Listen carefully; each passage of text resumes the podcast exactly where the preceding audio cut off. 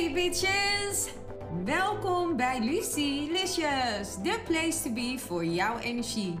Mijn naam is Lucille en in deze podcast gaan we het hebben over jouw sterrenteken en welke energie je kan verwachten voor deze week. Are you ready? Let's go!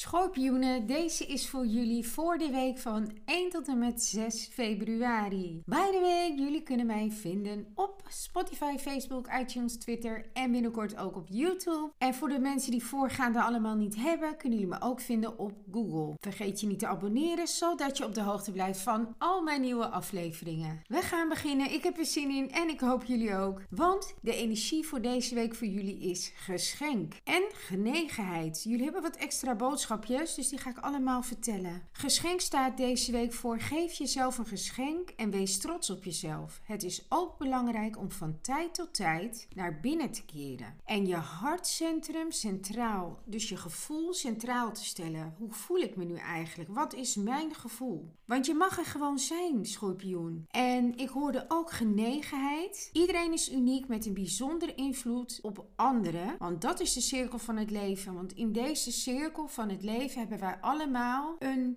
plek en een belangrijke plek. En we vervullen allemaal een rol. Net als dat je in een gezin een rol vervult, vervul je die zowel maatschappelijk als op de collective in de bredere zin. En dat vergeten mensen nog wel eens. Dus vergeet niet dat jij je centrumpunt ook mag gaan vinden. En vanuit daar mag gaan handelen. Dan wordt het ook iets makkelijker. De kleur van de week voor jou is woestijnbruin. En die staat voor open vlaktes, verborgen geheimen, brede horizon en ontwikkelingen. Het getal van de week is nummer 3. En de boodschap luidt voor jullie voor deze week: neem die sprong en zie wat er gebeurt. Je mag altijd terugkomen op een besluit dat je hebt genomen. Maar dan weet je wel zeker dat je het hebt geprobeerd. Je bent goed bezig. Ga zo door, stap voor stap. Kleine stapjes is al voldoende. Tip van de week: als er zorgen zijn die buiten jezelf plaatsvinden, helpt het als je tot in de kern relativeert. Zo gaat de druk verdwijnen naar de achtergrond en komt er een vrij gevoel naar de voorgrond. It's a wrap! Het zit er alweer op, de aflevering van Lucilicious. Maar niet getreurd, volgende week ben ik er weer met een nieuwe aflevering. Bedankt voor het luisteren en jullie support. Tot volgende week. Tot Lucilicious!